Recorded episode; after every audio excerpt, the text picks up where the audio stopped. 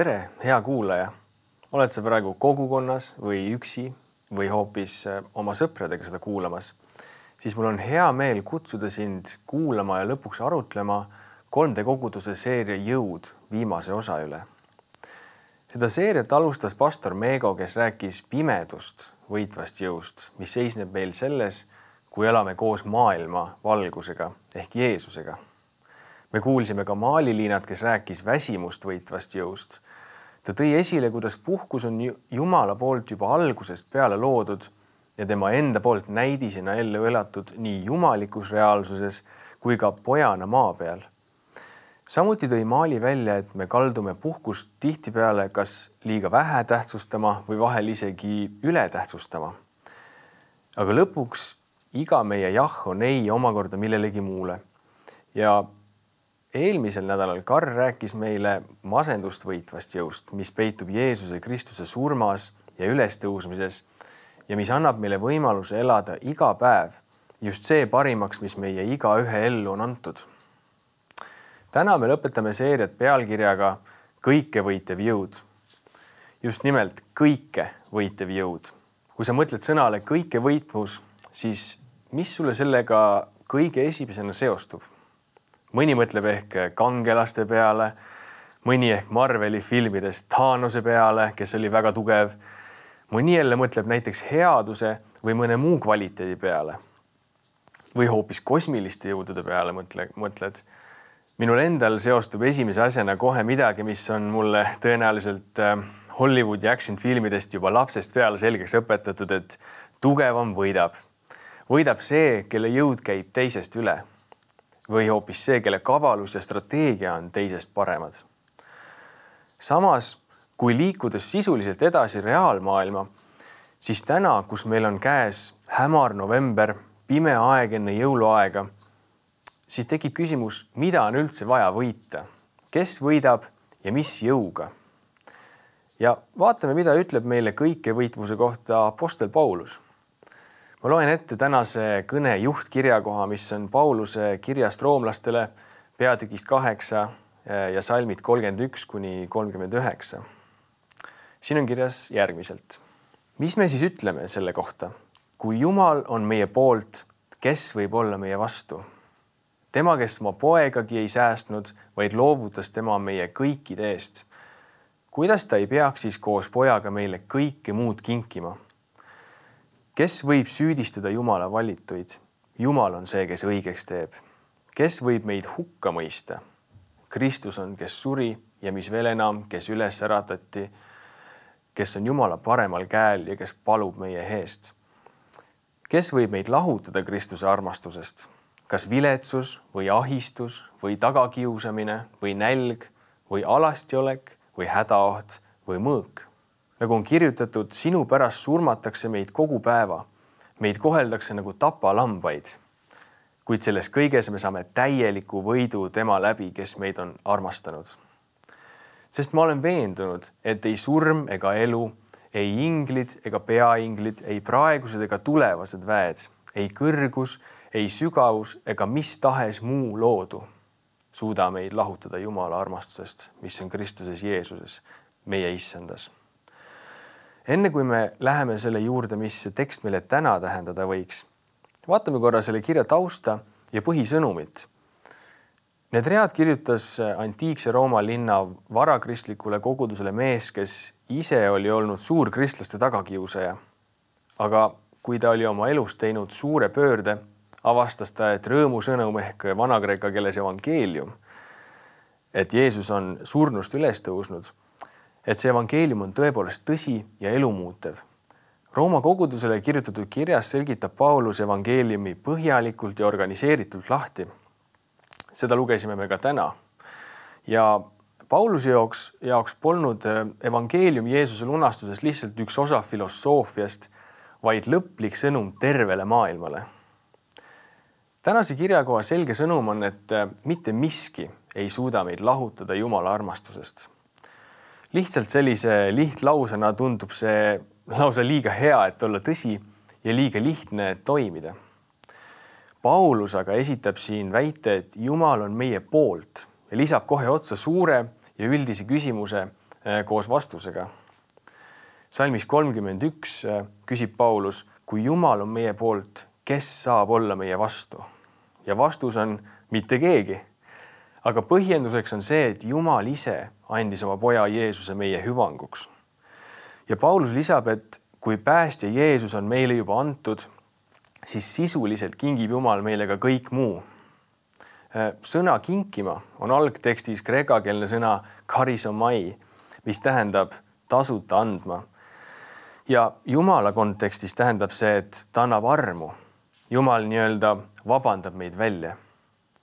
Ma mäletan, kui kunagi pidin töö juures ära tegema ühe ülesande kindlaks kuupäevaks ja kui kuupäev kätte jõudis siis ma mitte ainult polnud oma asjadega jännis, vaid ma olin mõned detailid unustanud ja mõned asjad täiesti valesti teinud. mäletan, kuidas mu ülemus vaatas mulle sõbralikult otsa ja ütles, et ära muretse, küll me selle ära lahendame. see kergustunne oli nii suur, et ma oleks nagu mõned kilod kergem olnud. Võiks öelda, et ma sain tol hetkel armu. aga nüüd vaadates tänast piibli kohta edasi Äh, Paulus küsib kolm küsimust. esiteks, kes võib süüdistada Jumala valituid ja ta vastab sellele, et Jumal üksi on see, kes õigeks teeb. teiseks, kes võib meid hukka mõista ja ja ta vastab sellele, et Jeesus Kristus on see, kes suri, kes äratati üles ja kes on ülendatud Jumala paremale käele ja palvetab meie eest. Ja kolmandaks äh, küsib Paulus, kes võib meid lahutada Kristuse armastusest ja ta mainib ära terve rea keskkondlikke tegureid nagu viletsus, ahistus, nälg. ja salmis kolmkümmend kuus toob Paulus välja Vanast Testamendist pärit, äh, psalmist äh, nelikümmend neli pärit siis väljenduse. sinu pärast surmatakse meid kogu päeva, meid arvatakse tapalambaiks. selles psalmis hüütakse Jumalat appi, tuuakse välja, et äh, Jumal tegi esivanemate päevil suuri asju ja ja palutakse, et Jumal tõttaks Iisraeli rahvale appi oma helduse pärast. Vana Testamenti lugedes võib näha, kuidas Iisraeli rahvas, Jumala välja valitud rahvas, kannatas suuremate naaberrahvaste surve all. Nende püsimajäämine oli pidevalt küsimuse all ja vanasti oli nii, et igal rahval oli Jumal või jumalad ja nende väge tunti sellest, kui hästi sellel rahval läks. ja me teame, et Iisrael oli väike riik ja nad vaevlesid tihtipeale kiusatuse käes kummardada suuremate rahvaste nii-öelda võimsamaid jumalaid, sest suurematel rahvastel läks hästi, nad olid tugevamad, nende sõjavägi oli suurem. Nad said nagu domineerida. Ja võiks öelda, et äh, tänapäevalgi on meie ümber olemas omamoodi suurte rahvahulkade jumalused, näiteks äh, populaarsus, rikkus mängurlus või isegi narkosõltuvus ja, ja alkoholi tarbimine, kuhu me võime teatud pimedas perioodis äh, oma elus kergendust otsides langeda. võib-olla koged sinagi selles pimedas sügise ajas mingit rõhumist, raskustunnet ja soovi, et oleks vaid kuidagi lihtsam, oleks vaid mingi lahendus minu elus sellele ja sellele olukorrale või üldse Paulus aga tõstab äh, selle motiivi hoopis teise konteksti. ta kirjutab nii, et kuid selles kõiges me saame täieliku võidu tema läbi, kes meid on armastanud. siin on oluline tähele panna, et äh, meie täielik võit tuleb selle läbi, et Jumal meid armastab. meid koheldakse nagu tapalambaid, see tähendab, et äh, meil on raske. aga Paulus ütleb, et täielik võit tuleb Jumalalt, kes meid armastab ja tuleme siinkohal tagasi korra äh, selle kõne alguses küsitud küsimuste juurde, et äh, mida on vaja meil võita ja kes ja mis jõuga üldse võidab. Johannes ütleb oma evangeeliumis, et Jumal ise on armastus. me oleme selles seerias rääkinud jõust ja, ja eelneva jutu põhjal võime öelda, et võit on siin iseenesest defineeritud äh, läbi Jumala armastuse nagu Paulus ütleb, et me saame täieliku võidu tema läbi, kes meid armastab. ja üldiselt on nii ju, et võidab see, kellel on midagi enamat kui see, äh, kes kaotab. siinkohal võib öelda, et Jumala armastus ongi see kõike võitev jõud, sest Jumalal on seda kõige enam. Ja Paulus väljendab oma veendumust, et ei surm ega elu, ei inglid ega peainglid, ei praegused ega tulevased väed, ei kõrgus, ei sügavus ega mis tahes muu loodu suuda meid lahutada Jumala armastusest, mis on Kristuses Jeesuses meie issandas. ja selle loeteluga püüab Paulus väljendada Jumala ülimust. kui Jumal on meie poolel, ei saa keegi olla meie vastu. vastupanu võib olla, aga võit on meie poolel. ja Jumala armastus ei ole lihtsalt mingi abstraktne vägi, vaid miski, mida me saame tunda me saame kogeda tema armastust isiklikult, omades isiklikku suhet Jumalaga temaga. nüüd jääb veel üle küsida, mida selle kõikevõitva jõuga, kõikevõitva armastusega siis on vaja ära võita. Võiks öelda, et siin elus just neid asju, millest rääkisid eelneval kolmel pühapäeval Meego, Maaliline ja Karl. meil on siin elus pimedust, meil on siin elus väsimust ja masendust kõik selle suudab võita ära Jumala armastus, mis on väljendunud Jeesuses. ja lõpuks on Jumala armastus kõikevõitev tähenduses ka, et see võib võita meie südame ja isegi sellise südame, kes teda pole varem tundnud, isegi uskunud, usaldanud ega ka tunnustanud mitte. ja teisalt me usume kristlastena, et me oleme loodud igavikulisteks olenditeks jumal on meisse andnud lisaks kehale ka vaimu, mis on pärast ihulikku surma edasi eksisteerimas. siin maailmas oleme me inimestena üpris targad, oskame kirjeldada ümbrust ja protsesse. ja kui me juba siin vajame seda teadmist ja kogemist, et looja Jumal meid armastab, siis kui palju enam me vajame seda igavikulises perspektiivis, kus me tegelikult eriti millestki aru ei saa. maalilinna puudutas oma kõnes inimese pattu langemist, mis tuli läbi eksituse. inimene peteti käituma looja Jumala vastu. ja sealtmaalt sai alguse nagu üks äh, doominokivide langemine, kus üks inimpõlvkond teise järel käitus Jumala tahte vastaselt, valmistades sellega tegelikult äh, armastavale loojale kurbust. Täna oleme meie see põlvkond, kes on ühel või teisel moel Jumala vastu eksinud hea uudis on aga see, et Jumal ise astus sammu meie suunas ja andis oma poja, et me temasse uskudes võiksime pärida igavese elu. Jeesus oma isikus on see, kelle kaudu me võime öelda, et meie igavik, mida me küll hoomata ei suuda ja millest me hästi aru ei saa, on heades kätes. Äh, nagu Paulus ütleb, et ei surm ega elu, ei inglid ega peainglid, ei praegused ega tulevased väed ei suuda lahutada meid Kristuse armastusest ma olen iseendas ja teistes elu jooksul pannud tähele ühte mustrit. kui inimesel on siht selge oma elus ja kindel veendumus sellesse sihti, siis on tal ka üsna palju energiat ja jõudu selle millegi suunas liikuda. Kui aga inimesel puudub siht, langeb tema energiatase justkui ebaproportsionaalselt palju ja tal pole jaksu ega tahtmist midagi niisama teha. sarnaselt on Kristus Jeesus meile andnud ühe sihi mida mööda käia ja identiteedi, mille järgi elada. me ei pea nende jaoks pingutama, need on meile kingitud.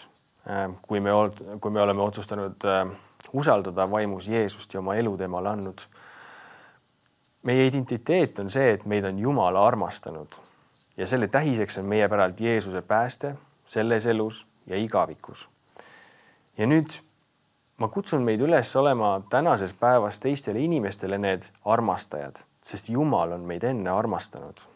ma kutsun meid üle, üles olema teistele inimestele halastajad, sest Jumal on meie peale oma armus halastanud. ja ma kutsun meid üles olema teiste inimeste eksimuste kinnikatjad, sest et eh, Jumal on oma poja Jeesuse kaudu meie eksimused kinni katnud ja ta vaatab nendest täiesti mööda ja sedasorti häid tegusid tehes on võimalik võidukalt minna läbi sellest äh, pimedast äh, ajast, aga ka üldiselt pimedusest, mis siin maailmas vaimulikult valitseb. mul on juba aastaid olnud üks sõber Mart, kellega me saime tuttavaks, kui ta oli oma eluga suures kriisis. Ma mäletan, et tal oli mõnede teiste inimeste poolt tehtud vigade tõttu, ta oli nendes suurtes raskustes jah, mitte enda poolt põhjustatult, vaid, vaid teiste inimeste tõttu. ja tal olid unistused, aga tal oli õnnet, ta oli õnnetu ega uskunud enda heasse tulevikku.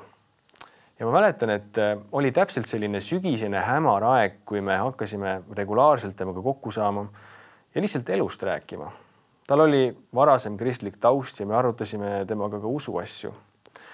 ma mäletan, et keerulised ajad kestsid ja kestsid, aga põhiliselt ammutas Mart oma jõu usust Jumalasse ja sellesse, et Jumalal on tema jaoks plaan nii selles maailmas kui ka igavikus. ja tal oli ka hea võrgustik mitmetest meie koguduse vendadest, kes teda ja ka üksteist julgustasid just nende julgustustega, mis on nagu vaimulikud. Ja mina sain olla lihtsalt üks äh, rõngas selles üksteise toetamise ja julgustamise rõngassärgis. ühiselt saime tol perioodil olla võidukad.